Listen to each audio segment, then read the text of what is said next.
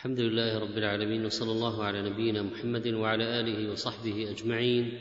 وبعد فقد تقدم في الدرس الماضي ذكر أنهار الجنة وعيونها وأنها تجري من غير أخدود وذكرنا أن أنهار الجنة تتفجر من وسط الجنة وأعلاها وهو الفردوس. نسأل الله أن يجعلنا من أهله. وأن في الجنة أربعة بحار تتشقق منها أربعة أنواع من الأنهار وهناك نهران ظاهران ونهران باطنان والمراد بذلك قوله النيل والفرات وسيحان وجيحان من أنهار الجنة ومن أنهار الجنة أيضا نهر الكوثر وتحدثنا عن عيون الجنة وأنها جارية ومنها عينان نضاختان ومن عيون الجنة السلسبيل وهي العين التي يشرب منها الزمرة الأولى من الجنة. أول ما يدخلون وكذلك الزنجبيل على قول وعين تسنيم أيضا ثم تحدثنا عن طعام أهل الجنة وأن أول ما يطعمونه زيادة كبد الحوت والثور الذي ينحر لهم عندما يدخلونها ثم يشربون عليه من ماء السلسبيل وأن الأرض تكون خبزه واحدة نزلا لأهل الجنة يوم القيامة وذكرنا الفواكه والثمار في الجنة وذكرنا اللحم وأنهم يأكلون ما يشتهونه منه سواء كان من طير أو من غيره وذكرنا نعومة لحوم طير أهل الجنة وأنها عجيبة يشتهيها المؤمن فتخر بين يديه مشوية. وذكرنا تنوع طعام أهل الجنة وكذلك شراب أهل الجنة ومن ذلك الخمر. وصفة خمر الجنة وأن من شرب الخمر في الدنيا ولم يتب منها ومات لا يشرب الخمر في الآخرة حتى لو دخل الجنة. قيل ينزع الله منه شهوتها فلا يشتهيها ولو دخل الجنة. وأما من تاب أو صبر على عدم شربها في الدنيا فإن الله يعقبه أن ينيله من خمر الجنة يوم القيامة وهي الخمر العظيمة الخمر اللذيذة الخمر الطيبة التي تكون فيها اللذة بدون صداع ولا مغص.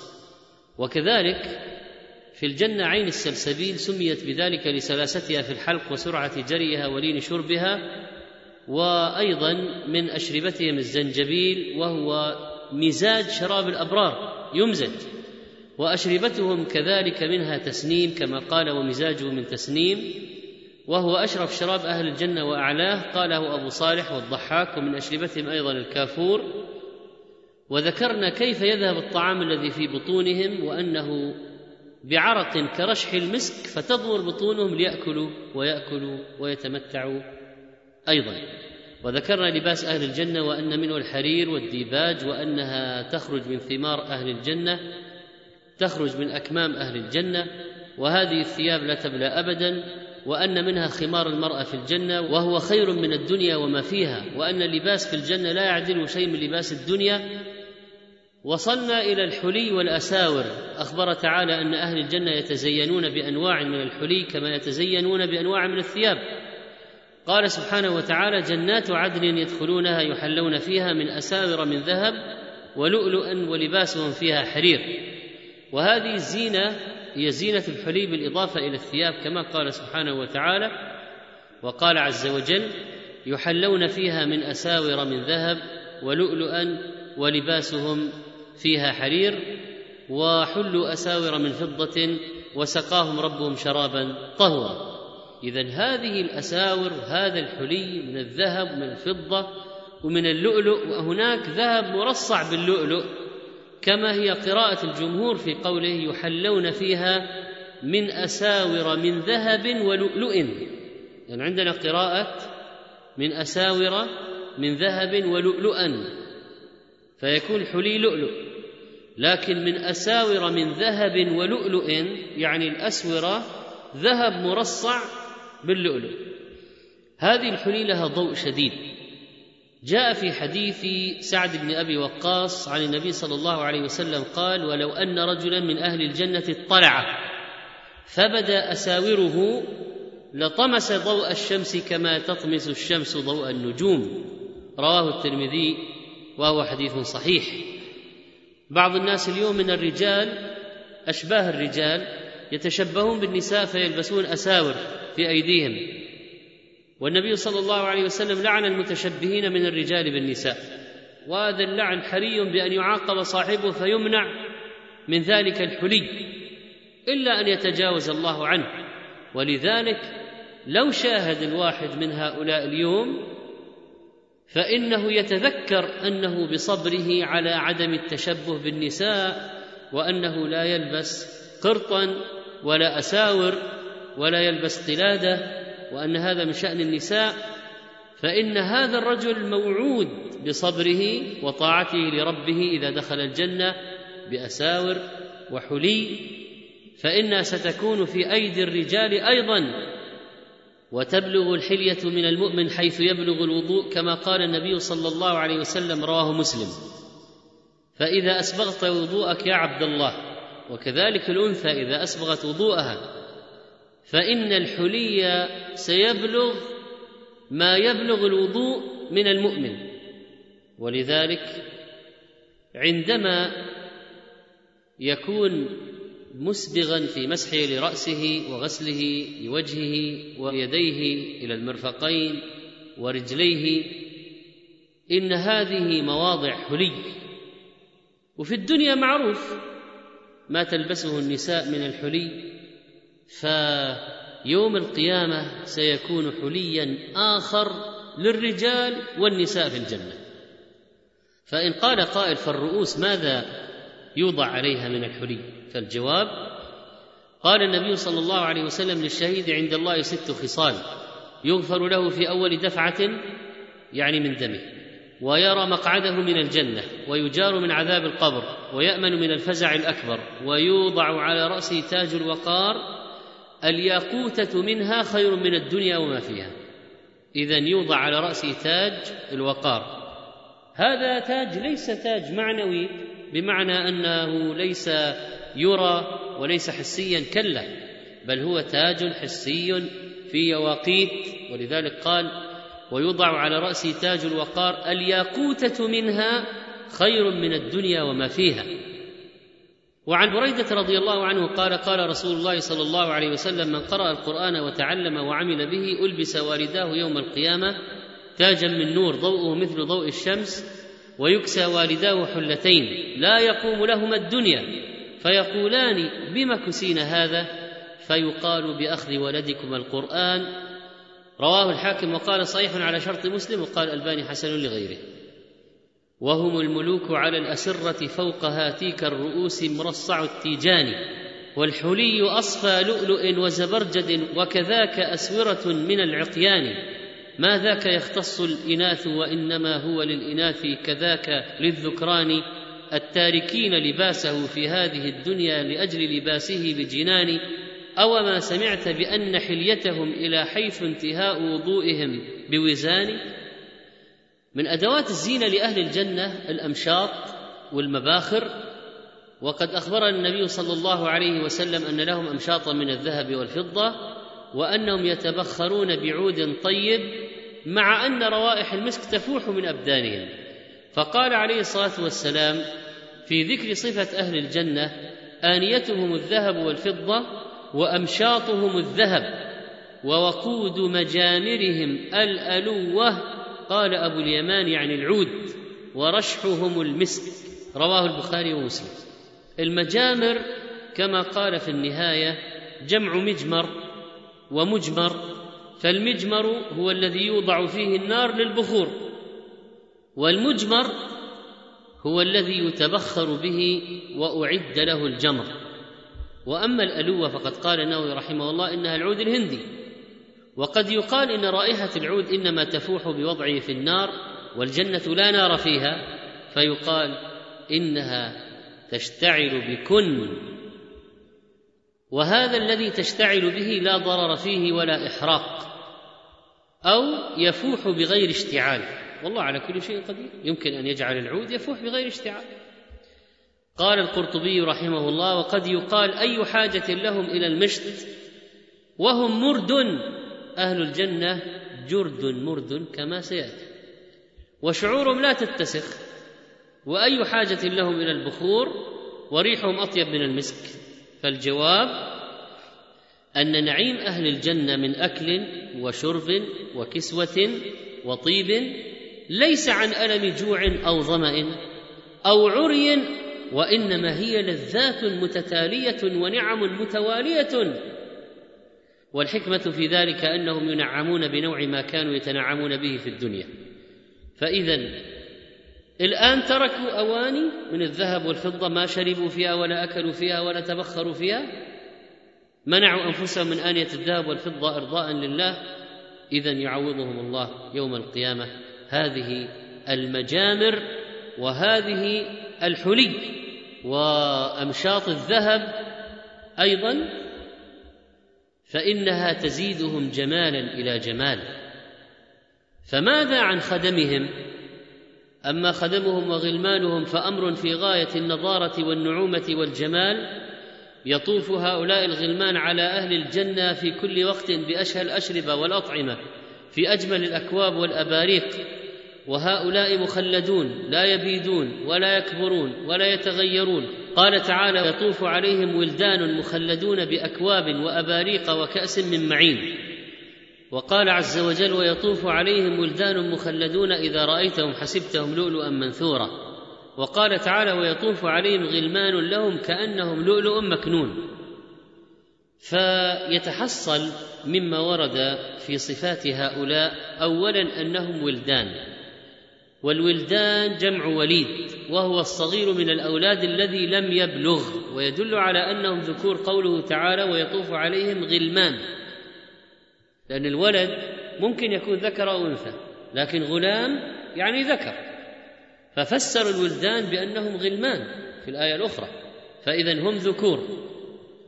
ثانيا أنهم مخلدون وفي قوله مخلدون ثلاثة أقوال المفسرين. الأول مخلدون من الخلد وهو البقاء يعني لا يهرمون ولا يتغيرون ولا يموتون وهو قول ابن عباس ومجاهد ومقاتل وغيرهم. القول الثاني مخلدون يعني مقرطون بالخلدة في آذانهم وجمعها خلد وهي الأقراط. كقولك خلد جاريته إذا حلاها بهذا الخلد وهي القرطة واحتجوا بأن الخلود عام لكل من دخل الجنة فلا بد أن تكون الولدان موصوفين بتخليد مختص بهم وذلك هو القرطة. القول الثالث الجمع بين القولين فقالوا ولدان لا يعرض لهم الكبر والهرم وفي آذانهم هذه القراطة فمن قال مقرطون أراد هذا المعنى أن كونهم ولدانا أمر لازم لهم. هذه ذكرها ابن القيم في حاد الأرواح.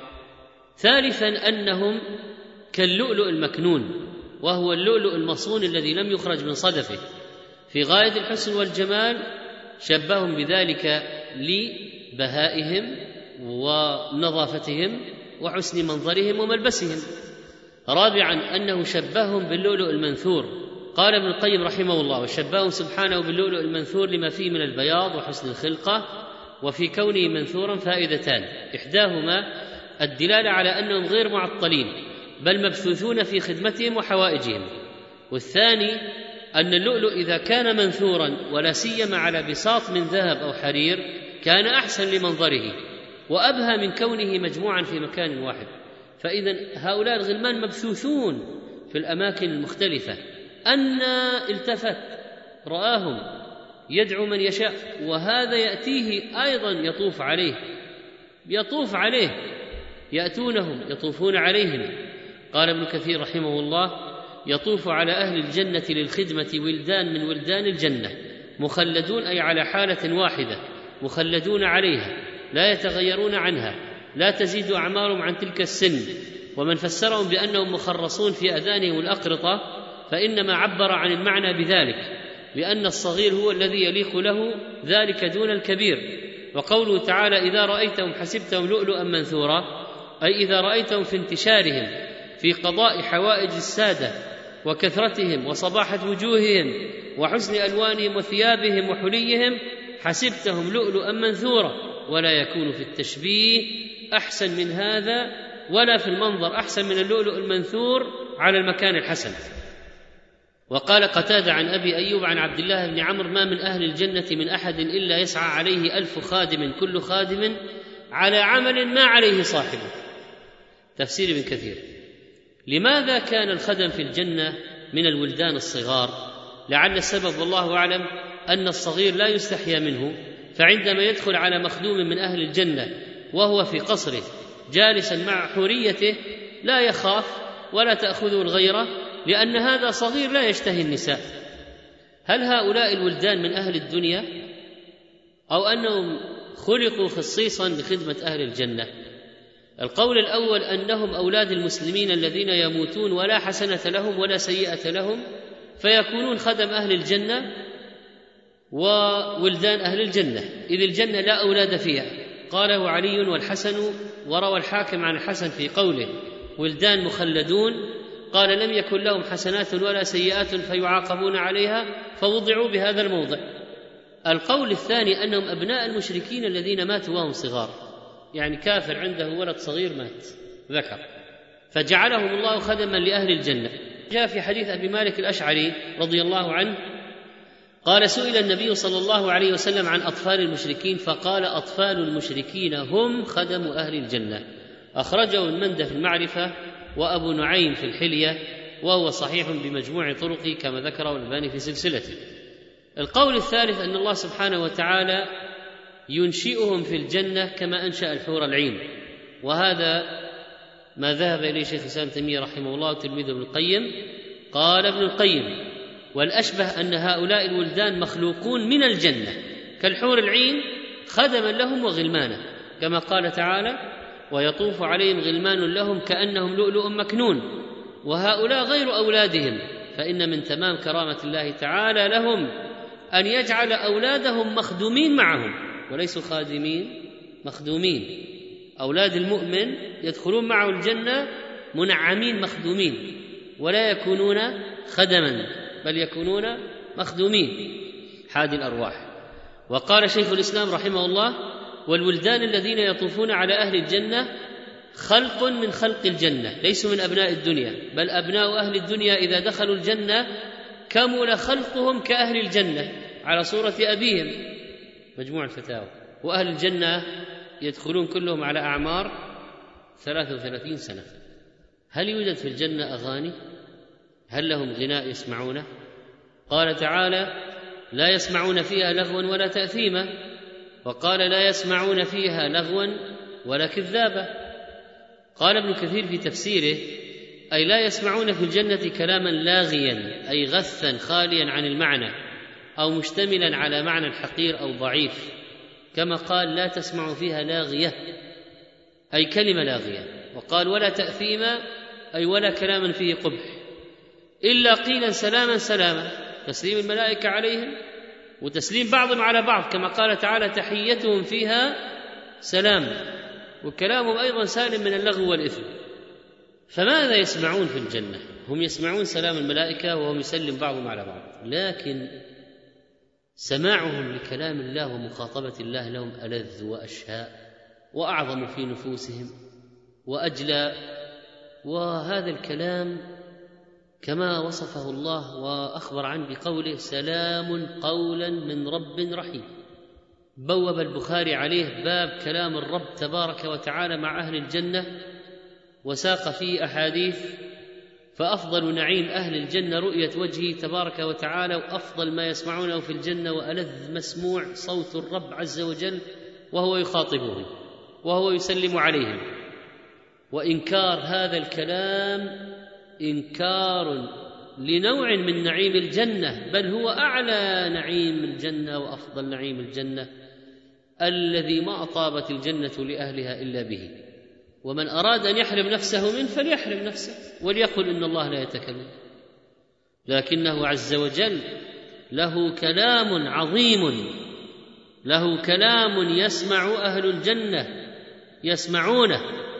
وعن أبي سعيد الخدري رضي الله عنه قال قال النبي صلى الله عليه وسلم إن الله يقول لأهل الجنة يا أهل الجنة فيقولون لبيك ربنا وسعديك والخير في يديك. فيقول هل رضيتم؟ فيقولون وما لنا لا نرضى يا رب وقد أعطيتنا ما لم تعط أحدا من خلقك. فيقول ألا أعطيكم أفضل من ذلك؟ فيقولون يا رب وأي شيء أفضل من ذلك؟ فيقول أحل عليكم رضواني فلا أسخط عليكم بعده أبدا. رواه البخاري ومسلم. أهل الجنة يسمعون أيضا كلام الملائكة وهم يسلمون عليهم والملائكة يدخلون عليهم من كل باب. سلام عليكم بما صبرتم. إنهم يهنئونهم بدخولهم ويهنئونهم بسلامتهم ويهنئونهم بالتقريب والإنعام والإقامة في دار السلام في جوار الصديقين والأنبياء والرسل الكرام. وقال تعالى يلقون فيها تحية وسلامة من الله ومن الملائكة ومن بعضهم على بعض والسلامه من المنغصات والمكدرات. وقال عز وجل عن خزان الجنة الذين يخاطبون أهلها فيقولون لهم سلام عليكم طبتم فادخلوها خالدين.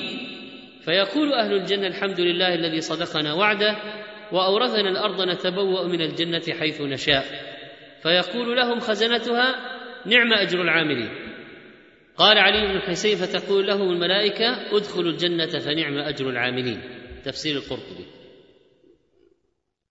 ويسمع أهل الجنة نداء المنادي من الملائكة كما قال النبي صلى الله عليه وسلم ينادي مناد إن لكم أن تصحوا فلا تسقموا أبدا وإن لكم أن تحيوا فلا تموتوا أبدا وإن لكم أن تشبوا فلا تهرموا أبدا وإن لكم أن تنعموا فلا تبأسوا أبدا فذلك قوله عز وجل ونودوا أن تلكم الجنة أورثتموها بما كنتم تعملون رواه مسلم. أين الغناء؟ وهل يوجد غناء مرة أخرى؟ الجواب نعم يوجد غناء بلا ريب ولا شك. من مسموعات أهل الجنة الغناء. ألم يصبروا عن غناء الدنيا المحرم؟ وعن هذه الموسيقى إن الموسيقى اليوم والغناء فتنة عظيمة جدا. صار لها صناعة كاملة قنوات مواقع أشرطة أنواع من الحوافظ الإلكترونية التي تحفظها وتشغلها وتنشرها وتقنيات عالية في الأصوات التي تجعل تأثير الموسيقى في النفوس عجيبا إنها خمر حقيقي. إنه يذهب العقل إنه يسبب الخدر إنه يهيئ النفس للرذيلة إنه يطرد. سماع كلام الرحمن لا يجتمع مع الغناء في جوف العبد. لا بد أن يخرج أحدهما صاحبه. ولذلك الذي يصبر عن سماع الغناء اليوم ويعرض عن هذه القنوات وعن الأشرطة والأقراص المدمجة وأنواع المؤثرات الصوتية. هذه الأغاني والموسيقى والمؤثرات الصوتية المنتشرة اليوم التي تسبب اللذة والنشوة والطرب. وتفعل في النفوس أحيانا أشد من فعل الخمر حتى أنهم ينتحرون بسببها. heavy metal black metal أنواع من الأغاني والموسيقى. الآن حتى عباد الشيطان لهم موسيقى خاصة يسمعونها. وكذلك الذين يريدون النوم على الموسيقى الحالمة والأكل في المطاعم الراقية إنها جعلت في كل مكان أجهزة في الألعاب الهاتف موسيقى حتى في المساجد. لما صار هذا الغزو للنفوس والقلوب بالغناء والموسيقى لابد أن نعلم أن الصادر عنها الممتنع عنها المجاهد نفسه كي لا يسمعها لا بد أن يكون له أجر عظيم وأن يكون له بدلا من هذا الذي منع نفسه منه ما هو أفضل منه وأعلى بكثير. يسمع أهل الجنة في الجنة غناء النساء.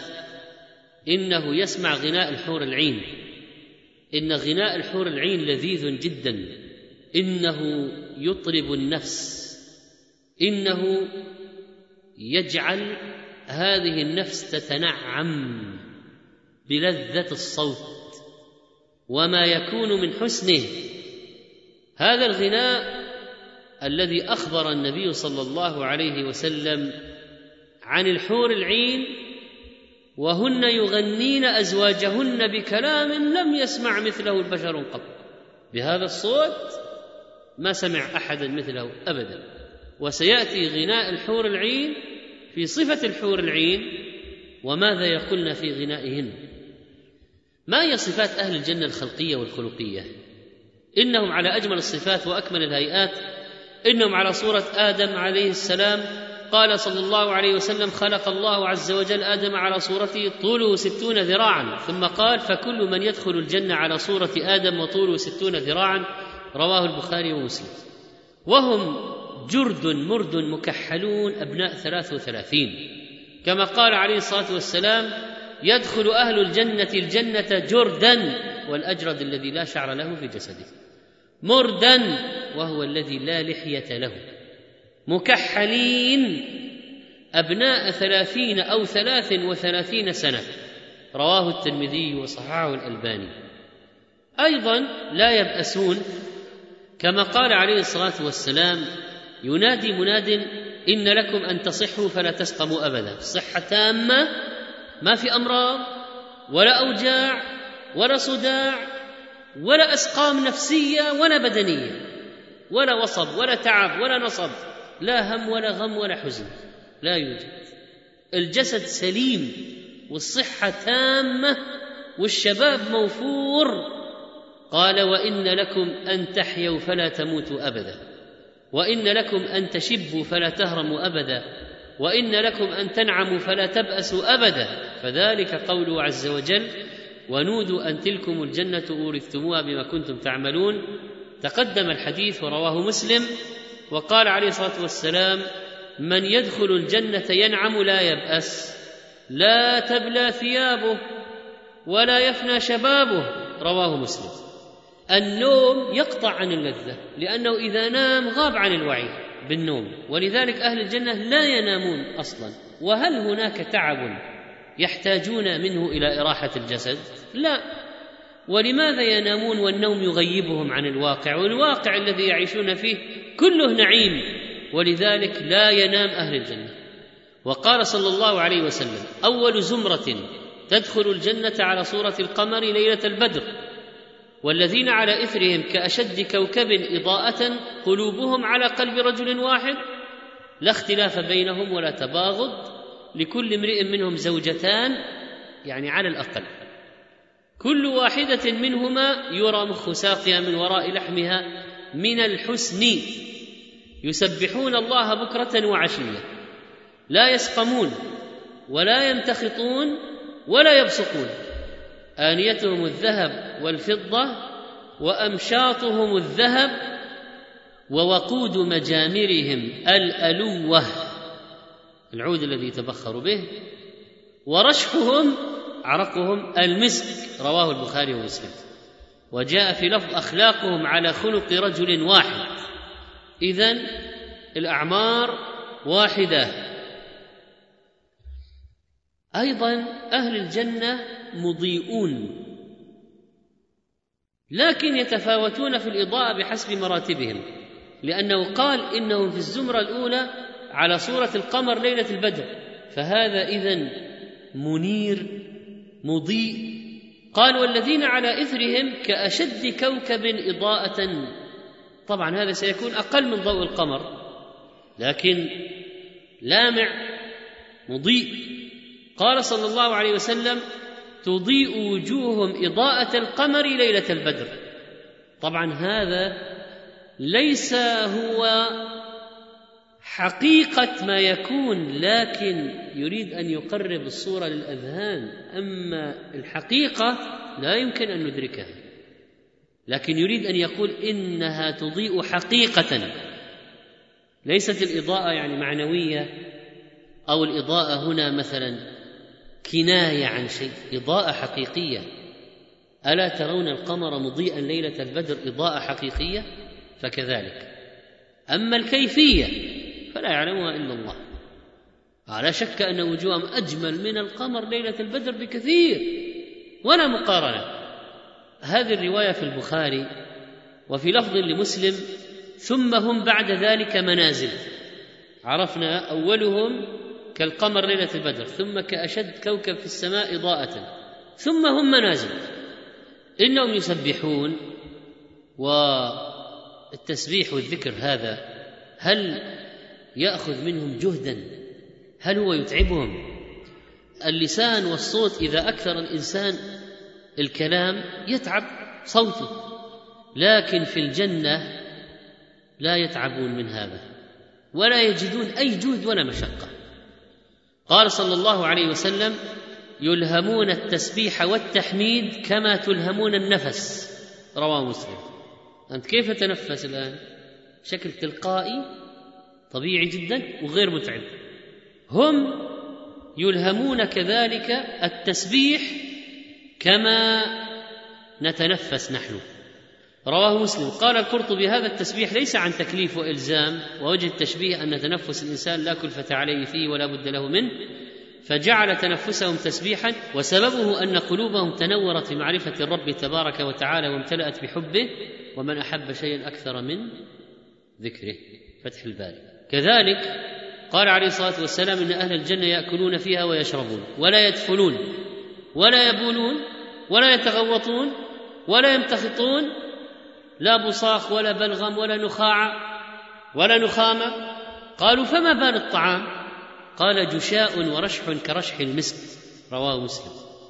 وعند أحمد من حديث زيد بن أرقم حاجة أحدهم عرق يفيض من جلودهم يخرج من المسام. مثل ريح المسك فإذا البطن قد ضمر. رواه أحمد وصححه الألباني. انهضم الطعام وانضم البطن وصار متسعا للمزيد. وفي هذا نفي لجميع صفات النقص عنهم. قال ابن الجوزي رحمه الله لما كانت أغذية أهل الجنة في غاية اللطافة والاعتدال لم يكن فيها أذى ولا فضلة تستقذر بل يتولد عن تلك الأغذية أطيب ريح وأحسن. قال القرطبي نعيم أهل الجنة من أكل وشرب وكسوة وطيب ليس عن ألم جوع أو ظمأ أو عري أو نتن وإنما هي لذات متتالية ونعم متوالية. وقال النووي مذهب أهل السنة أن تنعم أهل الجنة على هيئة تنعم أهل الدنيا إلا ما بينهما من التفاضل في اللذة فهو في التقابل في طعام وشراب ولباس ونساء ونهار وأشجار وعنب ورمان ونخيل لكن الكيفية تختلف الطعم يختلف. قال النووي ودل الكتاب والسنة على أن نعيمهم لا انقطاع له. ما هي الأخلاق وكيف هي؟ متوافقة عند الجميع. قال عليه الصلاة والسلام قلوبهم على قلب رجل واحد. يعني متوافقة متطابقة في الصفاء والجلاء. كلهم لا يحسدون كلهم لا يحقدون كلهم ما في صدورهم غل. قال لا اختلاف بينهم ولا تباغض وجاء عند مسلم أخلاقهم على خلق رجل واحد. طيب ما حال القوة البدنية؟ جاء عن أنس عن النبي صلى الله عليه وسلم قال يعطى المؤمن في الجنة قوة كذا وكذا من الجماع. قيل يا رسول الله أو يطيق ذلك؟ قال يعطى قوة مئة. رواه الترمذي وصححه الألباني لشواهده. وفي حديث زيد بن أرقم مرفوعا أيضا. قال والذي نفسي بيده إن أحدهم ليعطى قوة مائه رجل في المطعم والمشرب والشهوة والجماع. رواه أحمد وصححه الألباني. قال ابن القيم رحمه الله يعطى المجامع قوة المئة التي اجتمعت لأقوى واحد الإنسان. لا أن قوته تضاعف هكذا إذ قد يكون أضعف الأركان ويكون أقوى منه ذا نقص من الإيمان والأعمال والإحسان. فإذا هم يتفاوتون أيضا في هذا بتفاوت إيمانهم وأعمالهم.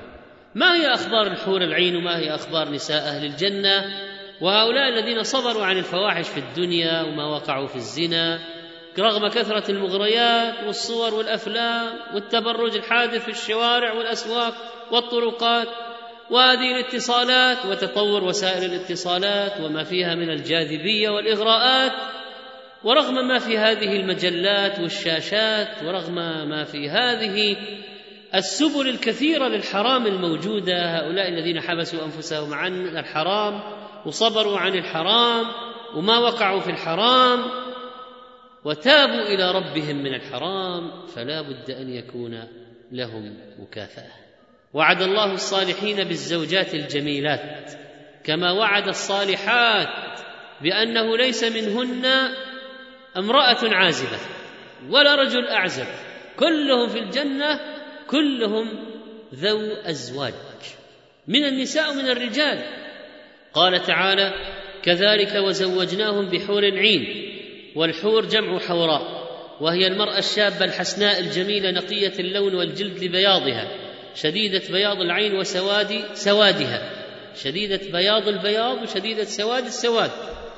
وقد شبههن تعالى بأنهن كأمثال اللؤلؤ المكنون. فقال عز وجل وحور عين كأمثال اللؤلؤ المكنون واللؤلؤ المكنون هو المصون الذي لم يخرج من صدفه وهو في غاية الحسن والجمال والبهاء. وعن أنس بن مالك رضي الله عنه قال قال رسول الله صلى الله عليه وسلم ولو أن امرأة من أهل الجنة اطلعت إلى أهل الأرض لاضاءت ما بينهما ولملاته ريحا ولنصيفها على رأسها خير من الدنيا وما فيها رواه البخاري. وحسبك شهادة لجمالهن الباهر وأنه بلغ الغاية في الحسن والمنتهى في الجمال أن الله شهد بهذا فقال فيهن خيرات حسان. فيهن خيرات في الخلقة والأخلاق جمعنا بين جمال الظاهر وجمال الباطن. أما نساء الدنيا الصالحات القانتات الحافظات للغيب بما حفظ الله نساء أهل الدنيا من الصائمات القانتات الذاكرات لله كثيرا فهن أفضل من الحور العين جمالا وجلالا وقدرا واخلاقا. ومن كانت منهن ليست ذات زوج في الدنيا فإنها تزوج يوم القيامة في الجنة إذا دخلت الجنة فقد تزوج بمن لم يتزوج ومات وهو من أهل الجنة أو بغير ذلك مما يريده الله تعالى.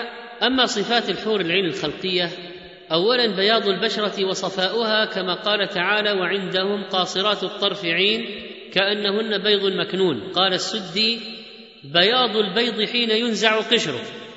إذا نزعت القشرة كيف ترى هذه البيضه في صفائها ولينها ونعومتها وطراوتها؟ هي أعظم من ذلك لكن يريد أن يقرب لك الصورة كي تحس أن هذا النعيم حقيقي وليس نعيما وهميا.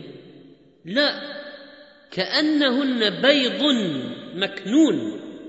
واختاره ابن جرير لقوله مكنون قال والقشرة العليا يمسها جناح الطائر والعش وتنالها الأيدي بخلاف داخلها. تفسير ابن كثير. وقال إنه بيض النعام المكنون في الرمل وهو عند العرب أحسن ألوان البياض. وقيل اللؤلؤ قبل أن يبرز من صدفه هذا البيض المكنون وقيل غير ذلك. وقال تعالى أيضا في وصفهن كأنهن الياقوت والمرجان قال مجاهد والحسن والسدي وابن زيد في صفاء الياقوت وبياض المرجان. فالحور العين بشرتهن بيضاء صافية كالمرآة. ويدل على ذلك حديث أبي هريرة رضي الله عنه أن رسول الله صلى الله عليه وسلم قال في أهل الجنة ولكل واحد منهم زوجتان يرى مخ سوقهما من وراء اللحم من الحسن رواه البخاري ومسلم. وقوله مخ سوقهما من وراء اللحم المخ ما في داخل العظم والمراد وصفها بالصفاء البالغ وأن ما في داخل العظم لا يستتر بالعظم واللحم والجلد. من رقتها ونعومتها وصفائها ما في داخل العظم لا يستتر بالجلد. وهذا في الداخل في غاية الجمال فيراه من خارج. ووقع عند الترمذي ليرى بياض ساقها من وراء سبعين حلة حتى يرى مخها. ونحوه لأحمد من حديث أبي سعيد. وقد فسر بعض المفسرين معنى الحور العين بالبياض وصفاء اللون. قال ابن عباس الحور في كلام العرب البيض. وكذا قال قتادة الحور البيض. وقال مجاهد الحوراء التي يحار فيها الطرف من رقة الجلد وصفاء اللون. وقال مقاتل الحور بيض الوجوه. وقال مجاهد الحور العين التي يحار فيهن الطرف باديا مخ سوقهن من وراء ثيابهن. هذا عجب عجب عجب أن الثياب سبعين حلة ما تستر صفاء لونها. ويرى الناظر وجهه فيهن كالمرآة من رقة الجلد وصفاء اللون ثم جمال العيون واتساعها. قال تعالى وعندهم قاصرات الطرف عين جمع عيناء وهي الواسعة العين. وجمعت أعينهن مع السعة صفات الحسن والملاحة. قال ابن القيم عند شرحه لمعنى الحور العين. والصحيح أن الحور مأخوذ من الحور في العين وهو شدة بياضها مع قوة سوادها فهو يتضمن الأمرين. والحور في العين معنى يلتئم من حسن البياض والسواد وتناسبهما. هذا البؤبؤ الشديد السواد في هذه العين شديدة البياض. واكتساب كل واحد منهما الحسن من الآخر. هذه شدة السواد يكتسب حسن من شدة البياض وشدة البياض يكتسب حسن من شدة السواد. هذا الحسن المركب بعضه من بعض هو بذاته جميل جدا. وإذا اجتمع مع غير أجمل وأجمل قال وعين الحوراء إذا اشتد بياض أبيضها وسواد أسودها ولا تسمى المرأة حوراء حتى يكون مع حور عينها بياض لون الجسد. والعين جمع عيناء وهي العظيمة العين من النساء ورجل أعين إذا كان ضخم العين وامرأة عيناء والجمع عين. والصحيح أن العين اللاتي جمعت أعينهن صفات الحسن والملاحة. قال مقاتل العين حسان الأعين ومن محاسن المرأة اتساع عينها في طول طول شق العين. وضيق العين في المرأة من العيوب حاد الأرواح. وكذلك ثالثا في صفات الحور العين. أنهن مطهرات من الأنجاس والاقذار قال تعالى ولهم فيها أزواج مطهرة وهم فيها خالدون. قال عبد الله بن مسعود وعبد الله بن عباس مطهرة من القدر والأذى فلا يحضن ولا يحدثن ولا يتنخمن. قال مجاهد لا يبلن ولا يتغوطن ولا يمذين ولا يمنين ولا يحضن ولا يتنخمن ولا يردن. وقال قتادة مطهر من الإثم والأذى طهرهن الله سبحانه من كل بول وغائط وقذر ومأثم. أربعة أتراب في السن قال عز وجل وعندهم قاصرات الطرف أتراب وقال سبحانه إنا أنشأناهن إنشاء فجعلناهن أبكارا. عربا اترابا قال ابن عباس وسائر المفسرين مستويات على سن واحد وميلاد واحد بنات ثلاث وثلاثين سنة. وقال مجاهد أتراب امثال قال إسحاق هن في غاية الشباب والحسن. وقال أبو عبيدة وأبو إسحاق أقران أسنانهن واحدة. والمعنى من الإخبار باستواء أسنانهن أنهن ليس فيهن عجائز قد فات حسنهن ولا ولائد لا يطخن الوطأة حاد الأرواح. خمسة أبكار. قال تعالى إنا أنشأناهن إنشاء فجعلناهن أبكارا. وقال لم يطمثهن إنس قبلهم ولا جان. قال المفسرون لم يطأهن ولم يمسهن ولم يجامعهن أحد. وقال أبو الهيثم يقال للمرأة طمثت إذا أدميت بالافتضاض. حاد الأرواح والبكر أفضل من الثيب وعندما يطأ الرجل حوريته في الجنة ترجع بكرا مرة ثانية. هذا من أعجب العجب. ستة كواعب. قال عز وجل إن للمتقين مفازة حدائق وأعناب وكواعب أترابا. الكواعب جمع كاعب وهي المرأة التي تكعب ثديها. وأصل اللفظة من الاستدارة والمراد أن ثديهن نواهد كالرمان ليست متدلية إلى أسفل. ويسمين نواهد وكواعب. هذا بالنسبة للخلقة فماذا بالنسبة للخلق؟ فاسمع يا عبد الله واسمعي يا أمة الله. اولا قاصرات الطرف وصفهن عز وجل بقصر الطرف في ثلاثة مواضع. قال تعالى فيهن قاصرات الطرف لم يطمثهن إنس قبلهم ولا جان. وقال وعندهم قاصرات الطرف عين. وقال وعندهم قاصرات الطرف أتراب. والمفسرون كلهم على أن المعنى قصرن طرفهن على أزواجهن فلا يطمحن إلى غيرهم ولا يردن غيرهم فلا يرين شيئا أحسن في الجنة من أزواجهن. قال ابن عباس وقتادة وعطاء الخراساني وابن زيد. وأنت تعلم يا أيها الرجل أن من أعظم النعيم في الحياة الزوجية أن المرأة لا ترى رجلا أحسن من زوجها. وأن تكون مقتنعة به تمام الاقتناع. هذا متحقق تماما في الجنة إلى أقصى درجة. وقد ورد أن الواحدة منهن تقول لبعلها والله ما أرى في الجنة شيئا أحسن منك ولا في الجنة شيء أحب إلي منك فالحمد لله الذي جعلك لي وجعلني لك. وقيل قصرن طرف أزواجهن كلهن فلا يدعهم حسنهن وجمالهن أن ينظروا إلى غيرهن. فهي قصرت طرف زوجها عليها من شدة جمالها. ثانيا أنهن عربة. قال عز وجل عربا اترابا. والعروب هي المرأة المتحببة إلى بعلها بحسن لفظها وحسن هيئتها ودلالها وجمالها ومحبتها. فهي إن تكلمت سبت العقول. وود السامع أن كلامها لا ينقضي خصوصا عند غنائهن بتلك الأصوات الرخيمة والنغمات المطربة وإن نظر إلى أدبها وسمتها ودلها ملأت قلب بعلها فرحا وسرورا وإن برزت من محل إلى آخر امتلأ ذلك الموضع منها ريحا طيبا ونورا ويدخل في ذلك الغنجة عند الجماع. تفسير السعدي. قال صاحب تاج العروس العربة هي الغنجة والغنج في الجارية تكسر وتدلل وقال في أبجد العلوم هي الأصوات التي تصدر عن العذارى والنساء الجميلات المهيجة للشوق. وهذا الغنج إن وقع أثناء المباشرة وحال المخالطة والتقبيل وغير ذلك كان محركا أقوى لقوة الوقاع.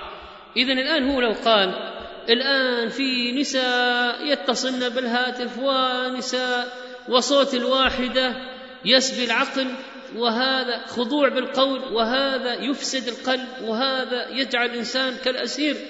فنقول اصبر اصبر عنه فإنك ستسمع ما هو ألذ من هذا بكثير. وإنما الدنيا ساعة فاجعلها طاعة. وبعد ذلك فان ما في الجنة سينسي كل ما في الدنيا من الصبر عن المحرمات وعلى الطاعات. ثلاثة طهارة من جميع الأخلاق السيئة. قال تعالى ولهم فيها أزواج مطهرة وهم فيها خالدون. مطهرات من الأنجاس والأقدار هذه طهارة حسية لكن أيضا مطهرات من الأخلاق السيئة. قال ابن القيم رحمه الله وكذلك طهر باطنها من الأخلاق السيئة والصفات المذمومة وطهر لسانها من الفحش والبذاء وطهر طرفها من أن تطمح به إلى غير زوجها. وطهرت أثوابها من أن يعرض لها دنس أو وسخ حتى الثياب. ثم ماذا جاء من التمتع بالحور العين؟ لا شك أنه يكون بالحواس المختلفة في البصر لا يقع على أجمل منها ولا يطمح إلى غيرها من جمالها والكلام يلتذ بسماعه والغناء. وهذا الغنى من أعظم النعيم من الحور العين. قال تعالى ادخلوا الجنة أنتم وأزواجكم تحبرون. هذا الدليل على أن الجنة فيها غناء وأنهن يسمعن غناء الحور العين لأن قوله تحبرون الحبر اللذة والسماع قال مجاهد وقتادة ينعمون لذة الأذن بالسماع هذا الحبور وهذا النعيم. حبره وقد أخبرنا النبي صلى الله عليه وسلم أن العين في الجنان يغنين بأصوات جميلة عذبة كما روى ابن عمر رضي الله عنهما عن النبي صلى الله عليه وسلم قال إن أزواج أهل الجنة ليغنين أزواجهن بأحسن أصوات ما سمعها أحد قط إن مما يغنين. نحن الخيرات الحسان أزواج قوم كرام ينظرن بقرة أعيان وإن مما يغنين به نحن الخالدات فلا يمتن. نحن الآمنات فلا يخفن نحن المقيمات فلا يضعن رواه الطبراني في الأوسط الصحاح الألباني. فيا لذة الأبصار إن هي أقبلت ولا لذة الأسماع حين تكلموا. أما الشم فأطيب ريح يشم منهن وقد جاء في الحديث الصحيح ولو أن امرأة من أهل الجنة اطلعت إلى أهل الأرض لأضاءت ما بينهما ما بين السماء والأرض ولملأته ريحا. يعني من طيبها ولنصيفها على رأسها خير من الدنيا وما فيها رواه البخاري. أما الملامسة فبجميع معانيها قال تعالى إن أصحاب الجنة اليوم في شغل فاكهون. ما هو الشغل؟ ما معنى فاكهون؟ هم وازواجهم في ظلال على الأرائك متكئون. قال ابن عباس وغيره شغلهم افتضاض الأبكار. ويعطى الرجل في الجنة قوة مئة فعن أنس رضي الله عنه عن النبي عليه الصلاة والسلام قال يعطى المؤمن في الجنة قوة كذا وكذا من الجماع. قيل يا رسول الله أو يطيق ذلك؟ قال يعطى قوة مئة. حديث صحيح. هذه الحوراء إذا كانت لزوج صالح له زوجة في الدنيا تؤذيه فإنها تغار عليه من المؤذية هذه. وقد قال عليه الصلاة والسلام في الحديث العجيب الصحيح الذي رواه أحمد والترمذي لا تؤذي امرأة زوجها في الدنيا إلا قالت زوجته من الحور العين لا تؤذيه قاتلك الله فإنما هو عندك دخيل يوشك أن يفارقك إلينا.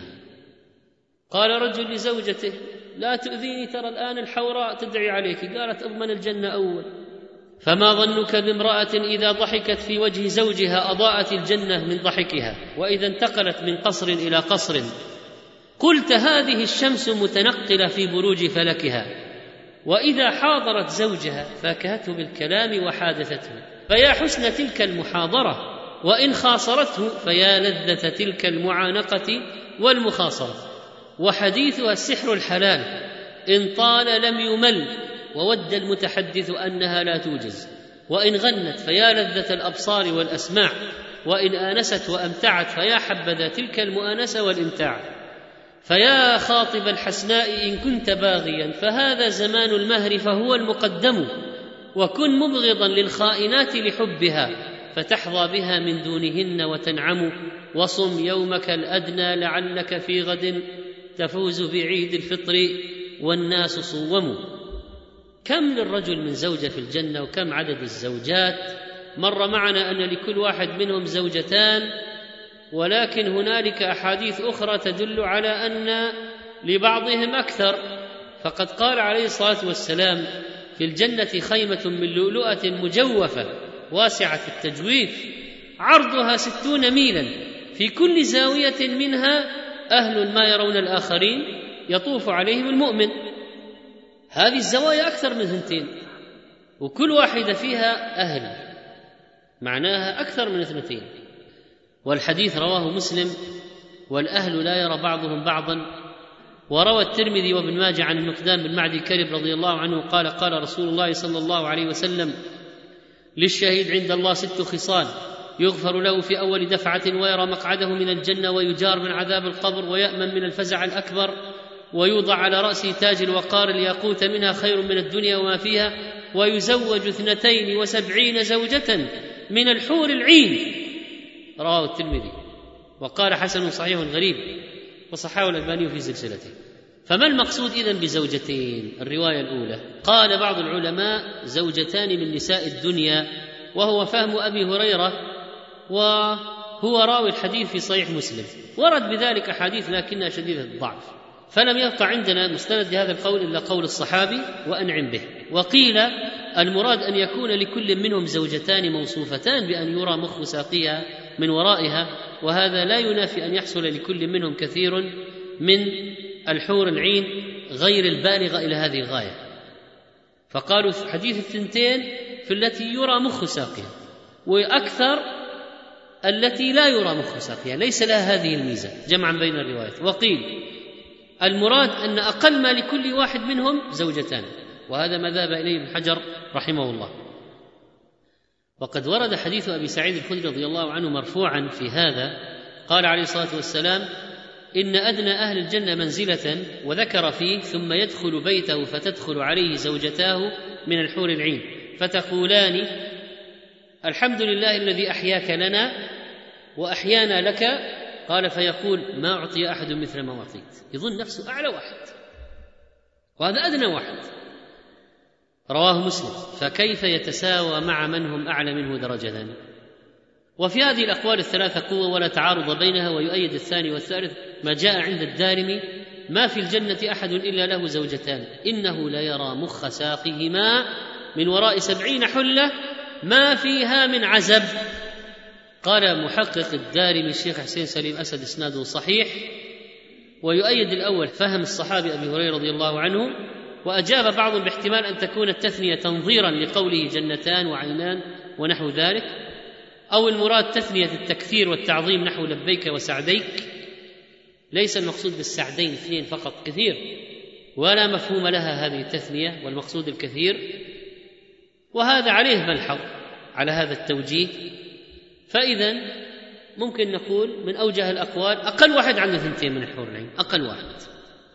لكن هذه الزيادة ما فيها من عزب مهمة في بيان الأمر للنساء. عندما يقولن الرجال لهن الحور العين فماذا للنساء؟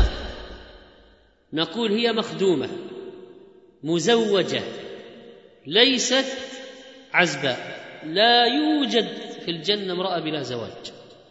يزوجها الله تعالى.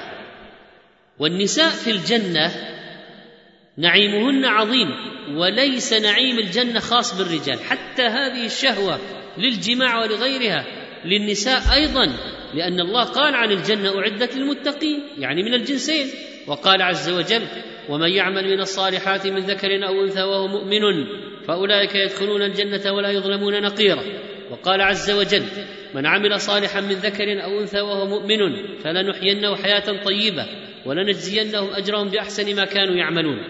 لما ذكر الله تعالى هذه المغريات الموجودة في الجنة من أنواع المأكولات والمناظر الجميلة والملابس والمساكن فإن ذلك يعم الجنسين الذكر والأنثى لأن أم عمار الأنصارية أتت النبي عليه الصلاة والسلام فقالت يا رسول الله ما أرى كل شيء إلا للرجال. وما أرى النساء يذكرن بشيء. فنزلت هذه الآية إن المسلمين والمسلمات والمؤمنين والمؤمنات. الآية رواه الترمذي وهو حديث صحيح. اذا كل ما يذكر من نعيم في الجنة للرجال والنساء ولكن يتساءل الكثير من النساء بأن الله قد اغرى الرجال وشوقهم بذكر الحور العين والشهيد له 72 من الحور العين. والنساء الجميلات وذكر وصف الحور العين بهذه الدقة.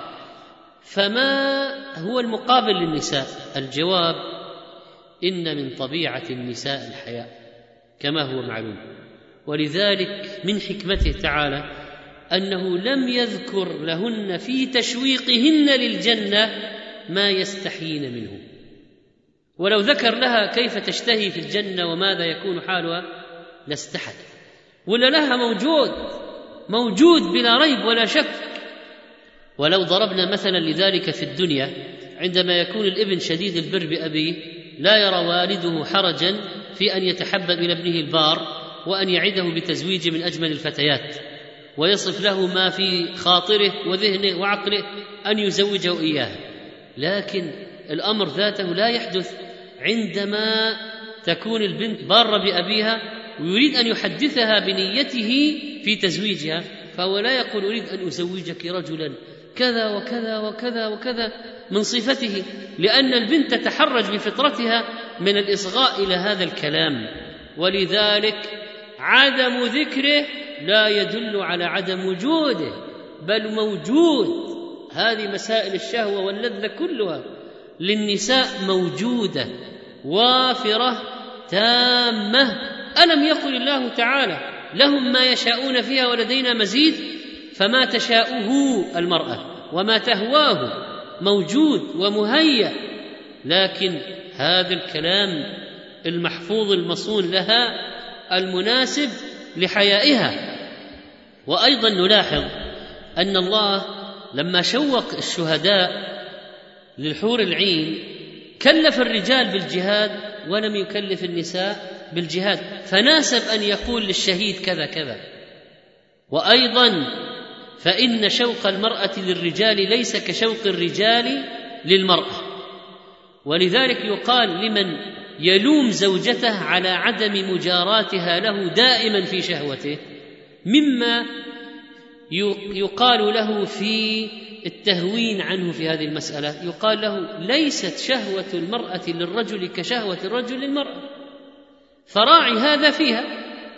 ولو كان هذا موجود فيهن لكثر الفساد في النساء أضعاف مضاعفة. هو الآن مصيبة. فكيف لو كان مثله؟ ولذلك في أشياء خلقية تتعلق بالخلقة والصفات والحياء مراعاة في قضية عدم توصيف أشياء للنساء في مسائل الشهوة في الجنة مثل ما الرجال.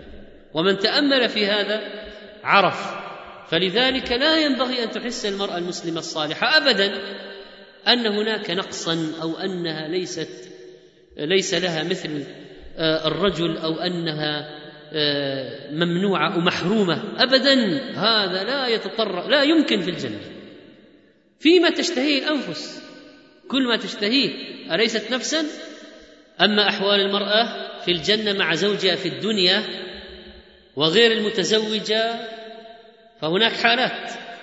لا تخرج عنها المرأة. اولا إما أن تموت قبل أن تتزوج. اثنين أن تموت بعد طلاقها ولا تتزوج بآخر. ثلاثة أن تكون متزوجة ولكن لا يدخل زوجها الجنة. هذا فرعون زوجته آسية. هو في النار وهي في الجنة. أربعة أن تموت بعد زواجها وهي في عصمة زوجها. خمسة أن يموت زوجها وتبقى بعده بلا زوج حتى تموت. ستة أن يموت زوجها فتتزوج بعده غيره. فما مصيرها في الجنة بناء على هذه الحالات؟ أما المرأة التي ماتت قبل أن تتزوج فإن الله تعالى يزوجها بمن تقر عينها به في الجنة. لأن الزواج من جملة النعيم الذي وعد به أهل الجنة وهو مما تشتهيه النفوس وتتطلع إليه. ماتت بنت لم تتزوج في الجنة متزوجة قطعا لأن هذه الشهوة لا يحرم منها أحد في الجنة لا ذكر ولا أنثى.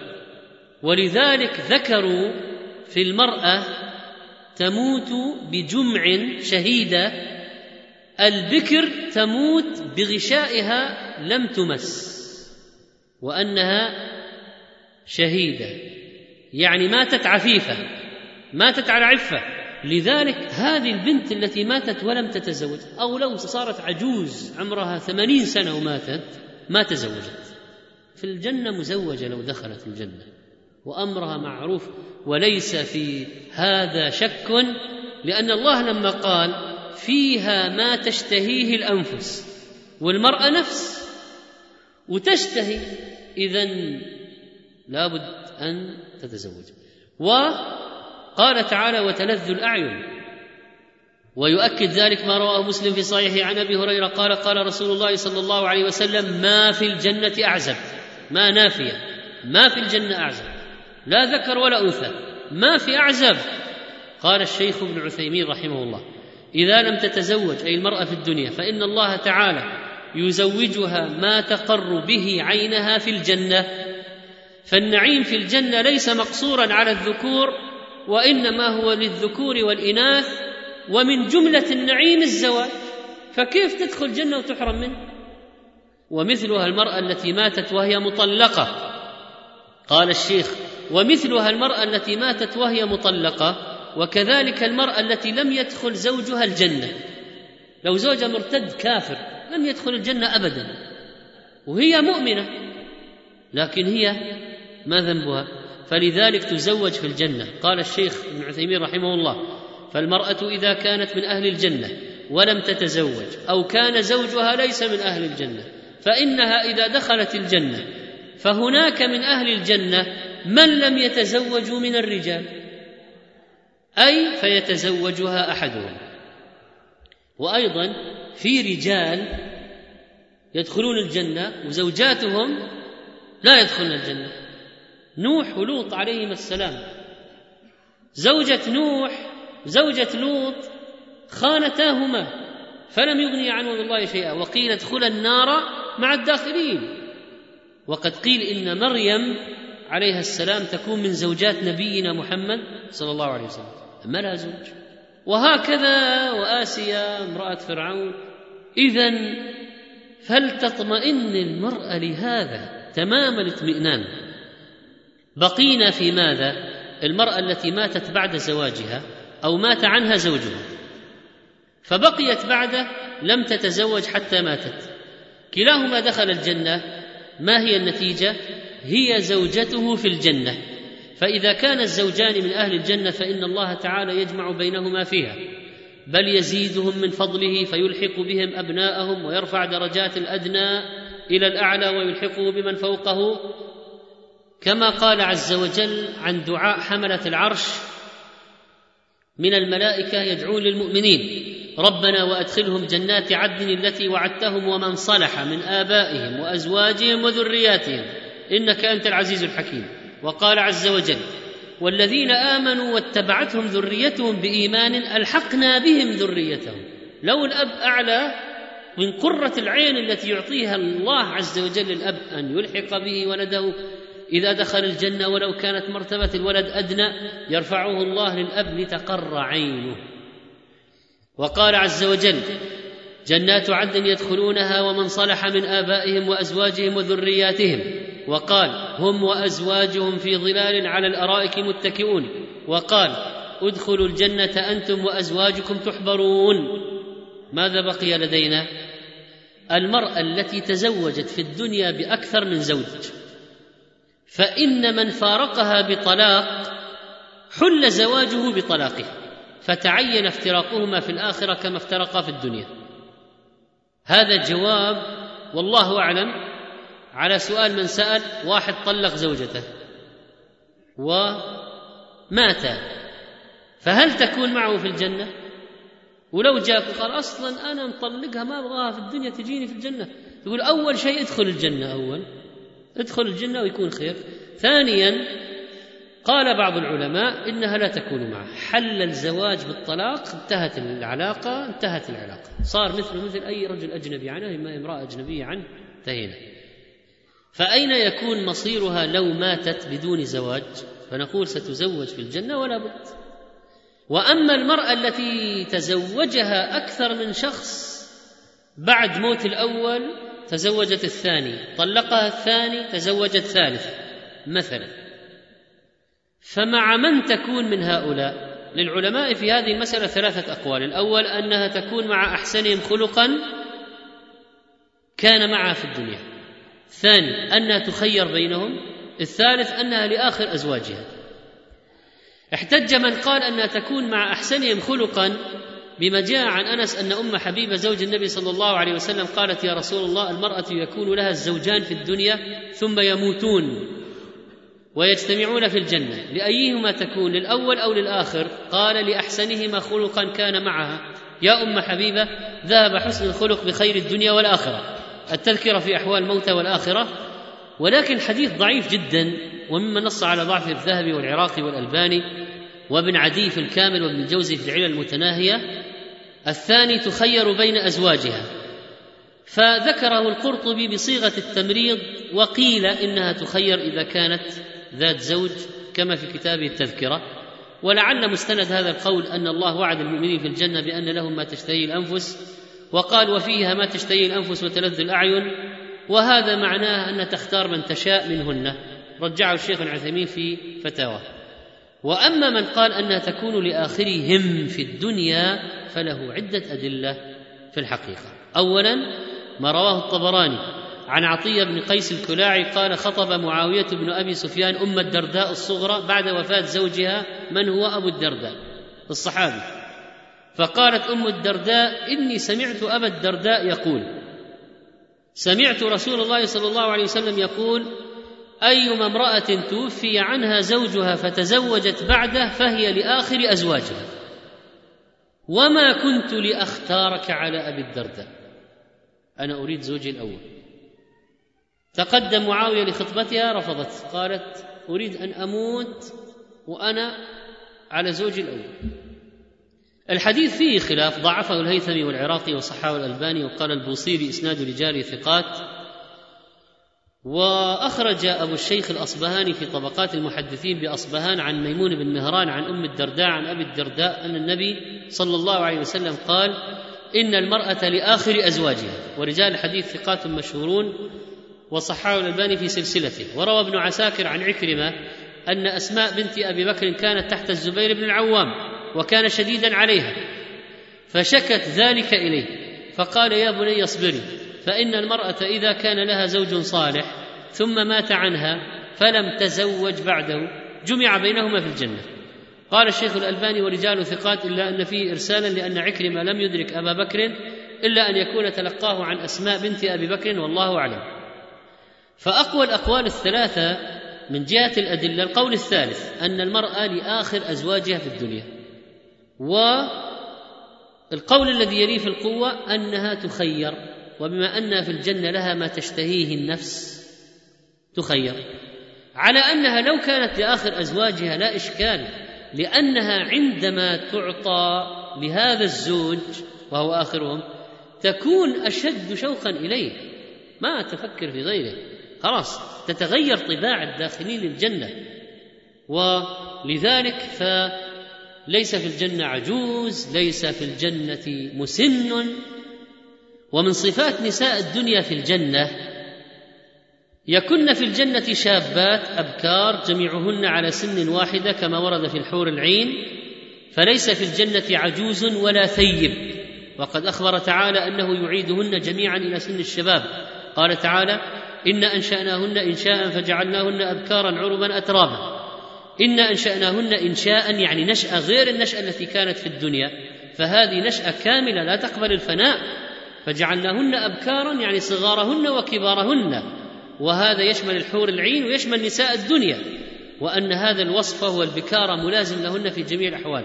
فهذه المرأة لو تزوجت كذا زوج في الدنيا واحد وراء واحد يوم القيامة إذا دخلت الجنة تدخل بكرا تكون بكرا.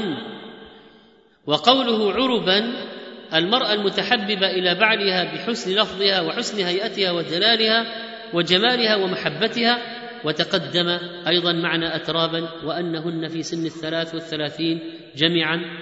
هل واحد عنده زوجتان في الجنة فهو في نكد من الضرائر وما بين الزوجات من الإيذاء؟ لا. ليس بينهن هذا ابدا. هذا من التغيير الذي يطرأ على نساء الجنة. ما في غيرة. ما في غيرة على من بعضهن من بعض. فهن مؤتلفات راضيات مرضيات لا يحزن ولا يحزن. أفراح النفوس وقرة العيون وجلاء الأبصار في مخالطتهن وقد روى الترمذي في الشمائل عن الحسن قال أتت عجوز إلى النبي صلى الله عليه وسلم فقالت يا رسول الله ادعو الله أن يدخلني الجنة. فقال يا أم فلان إن الجنة لا تدخلها عجوز. فولت تبكي فقال أخبروها أنها لا تدخلها وهي عجوز. إن الله تعالى يقول أنا أنشأناهن انشاء فجعلناهن ابكارا عربا اترابا. حديث حسن. أيهما أجمل نساء الدنيا الصالحات اللاتي يدخلن الجنة أو الحور العين المخلوقات من الجنة لأهل الجنة من الرجال؟ بين ابن القيم رحمه الله أن نساء الدنيا يكن أجمل من الحور العين في الجنة. لماذا؟ لأن صبرت وصابرت وتعبت وعبدت وذكرت ودعت. وعملت الصالحات وآمنت ودخلنا الجنة جزاء على أعمالهن وإحسانهن. أما الحور العين الله خلقهن في الجنة ثوابا وجزاء لأهلها فلم يوجد عندها مجاهدة نفس ولم يوجد عندها مصابرة على الحرام ولم ولم يوجد عندها هذه الأعمال التي فيها التعب والنصب والمشقة. فلذلك صارت المرأة التي تدخل الجنة من أهل الدنيا أجمل وأحسن وأرفع قدرا وشأنا من الحورية المخلوقة في الجنة. فالأولى ملكة سيدة. قال وأما الحور العين فانما خلقهن الله في الجنة ثوابا وجزاء لأهلها من الرجال. وشتان بين من دخلت الجنة جزاء على عملها الصالح وبين من خلقت ليجازى بها صاحب العمل الصالح. فالأولى ملكة سيدة آمرة والثانية على عظم قدرها وجمالها إلا أنها لا شك دون الملكة وهي مأمورة من سيدها المؤمن الذي خلقها الله تعالى جزاء له. وقد سئل الشيخ ابن عثيمين رحمه الله هل الأوصاف التي ذكرت للحور العين تشمل نساء الدنيا؟ فأجاب الذي يظهر لي أن نساء الدنيا يكن خيرا من الحور العين حتى في الصفات الظاهرة والله أعلم. هل الرجال في الجنة أكثر أم النساء؟ دلت السنة على أن أكثر أهل النار النساء هذا معروف من حديث آخر رواه البخاري ومسلم عن ابن عباس رضي الله عنهما قال قال رسول الله صلى الله عليه وسلم أريت النار فإذا أكثر أهلها النساء. وفي الصحيحين عن عبد الله بن عمر عن رسول الله صلى الله عليه وسلم أنه قال يا معشر النساء تصدقن وأكثرن الاستغفار فإني رأيتكن أكثر أهل النار.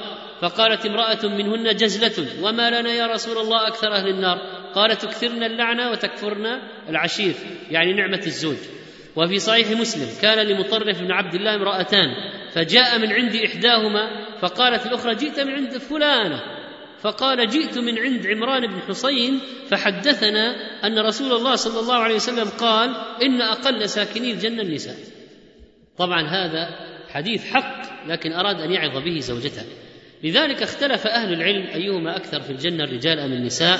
وهو خلاف قديم. روى البخاري ومسلم اللفظ له. عن محمد بن سيرين قال إما تفاخروا وإما تذاكروا. الرجال في الجنة أكثر أم النساء؟ وفي رواية لمسلم أيضا اختصم الرجال والنساء أيهم في الجنة أكثر؟ فسألوا أبا هريرة. فقال أبو هريرة رضي الله عنه أولم يقل أبو القاسم صلى الله عليه وسلم لكل امرئ منهم زوجتان اثنتان يرى مخ ساقيهما من وراء اللحم وما في الجنة أعزب. يعني يقصد أبو هريرة إذا كل واحد من الرجال له زوجتان من الحور العين إذا أخذت على مجمل النساء الإناث اللاتي منهن الحور العين والنساء الصالحات في الدنيا دخلنا الجنة المجموع سيكون للنساء أكثر. فالقول الأول أن النساء أكثر لهذا الحديث وهو قول أبي هريرة رضي الله عنه. الثاني أن الرجال أكثر لأن النزاع إنما هو في نساء الدنيا ورجال الدنيا. يعني إذا قارنا الرجال الذين سيدخلون الجنة من أهل الدنيا والنساء اللاتي سيدخلن الجنة من أهل الدنيا أيهما أكثر؟ فاستدلوا بحديث أكثر أهل النار النساء على أن الرجال أكثر. أما حديث أبي هريرة فليس فيه أن هاتين الزوجتين هما من نساء الدنيا والظاهر أن هذا من فهم أبي هريرة رضي الله عنه قال ابن القيم رحمه الله في حديث أبي هريرة والظاهر أنهن من الحور العين. أن الثنتين المذكورتين من الحور العين. ويدل لذلك ما رواه البخاري من حديث أبي هريرة رضي الله عنه عن النبي عليه الصلاة والسلام قال لكل امرئ زوجتان من الحور العين يرى مخ سوقهن من وراء العظم واللحم لكن قد يقال إن النبي صلى الله عليه وسلم ذكر للنساء سبب كونهن أكثر أهل النار وهو قوله بكفرهن. قيل يكفرن بالله؟ قال يكفرن العشير ويكفرن الإحسان.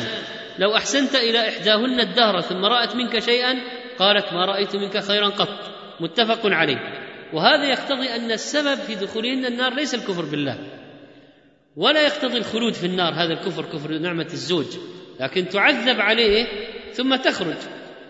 وحينئذ فالاستدلال بأن أكثر أهل الجنة الرجال لأن الحديث الآخر أكثر أهل النار النساء لا يستقيم هنا من جهة أن هؤلاء النساء يخرجن بعد ما ينلن من العذاب ويدخلن الجنة. فيزداد عدد النساء في الجنة.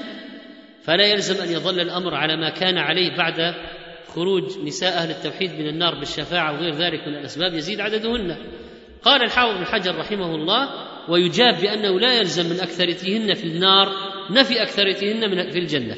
لكن يشكل على ذلك قوله صلى الله عليه وسلم في الحديث الآخر اطلعت في الجنة فرأيت أقل ساكنها النساء ويحتمل أن يكون الراوي رواه بالمعنى الذي فهم من أن كونهن أكثر ساكني النار يلزم منه أن يكن أقل ساكني الجنة وليس ذلك بلازم لما قدمته يعني أنهن إذا جوزين وعوقبن سيخرجن من النار يدخلن الجنة أو بالشفاعة فهذا بالنسبة لهذا الأمر وعلى اية حال لا يفيد كثيرا البحث في هذا الموضوع ولكن قد يحصل تنافس بين النساء والرجال ويحصل السؤال أكثر أهل الجنة النساء ولا الرجال؟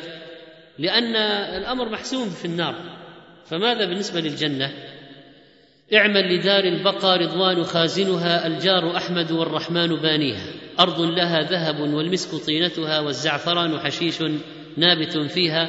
أنهارها لبن محض ومن عسل والخمر يجري رحيقا في مجاريها والطير تجري على الأغصان عاكفة تسبح الله جهرا في مغانيها. من يشتري الدار بالفردوس يعمرها بركعة في ظلام الليل يخفيها أو سد جوعة مسكين بشبعته. في يوم مسغبة عم الغلا فيها. الآن الغلا في بعض البلدان الآن التي يقصفها اليهود عجب بطاقة الشحن. ما كنت صراف ما فيها فلوس. الناس تبحث عن اللقمة مشردون في كل مكان أو سد جوعة مسكين بشبعته في يوم مسغبة عم الغلا فيها. النفس تطمع في الدنيا وقد علمت أن السلامة فيها ترك ما فيها. كيف يقدر قدر دار غرسها الله بيده وجعلها مقرا لأحبابه وملأها من رحمته وكراماته ووصف نعيمها بالفوز العظيم وملكها بالملك الكبير وأودعها جميع الخير بحذافيره. فإن سألت عن أرضها وتربتها المسك والزعفران وإن سألت عن سقفها فهو عرش الرحمن وإن سألت عن بلاطها فهو المسك الأذفر وإن سألت عن حصبائها فهو اللؤلؤ والجوهر وإن سألت عن بنائها فلبن من فضة ولبن من ذهب وأشجارها ما في الجنة شجرة إلا وساقها من ذهب. وكذلك ورقها أحسن ما يكون وأنهارها من لبن وخمر وعسل وماء وطعامها هذه الفاكهة يتخيرونها ولحم الطير مما يشتهون والشراب التسنيم والزنجبيل والكافور.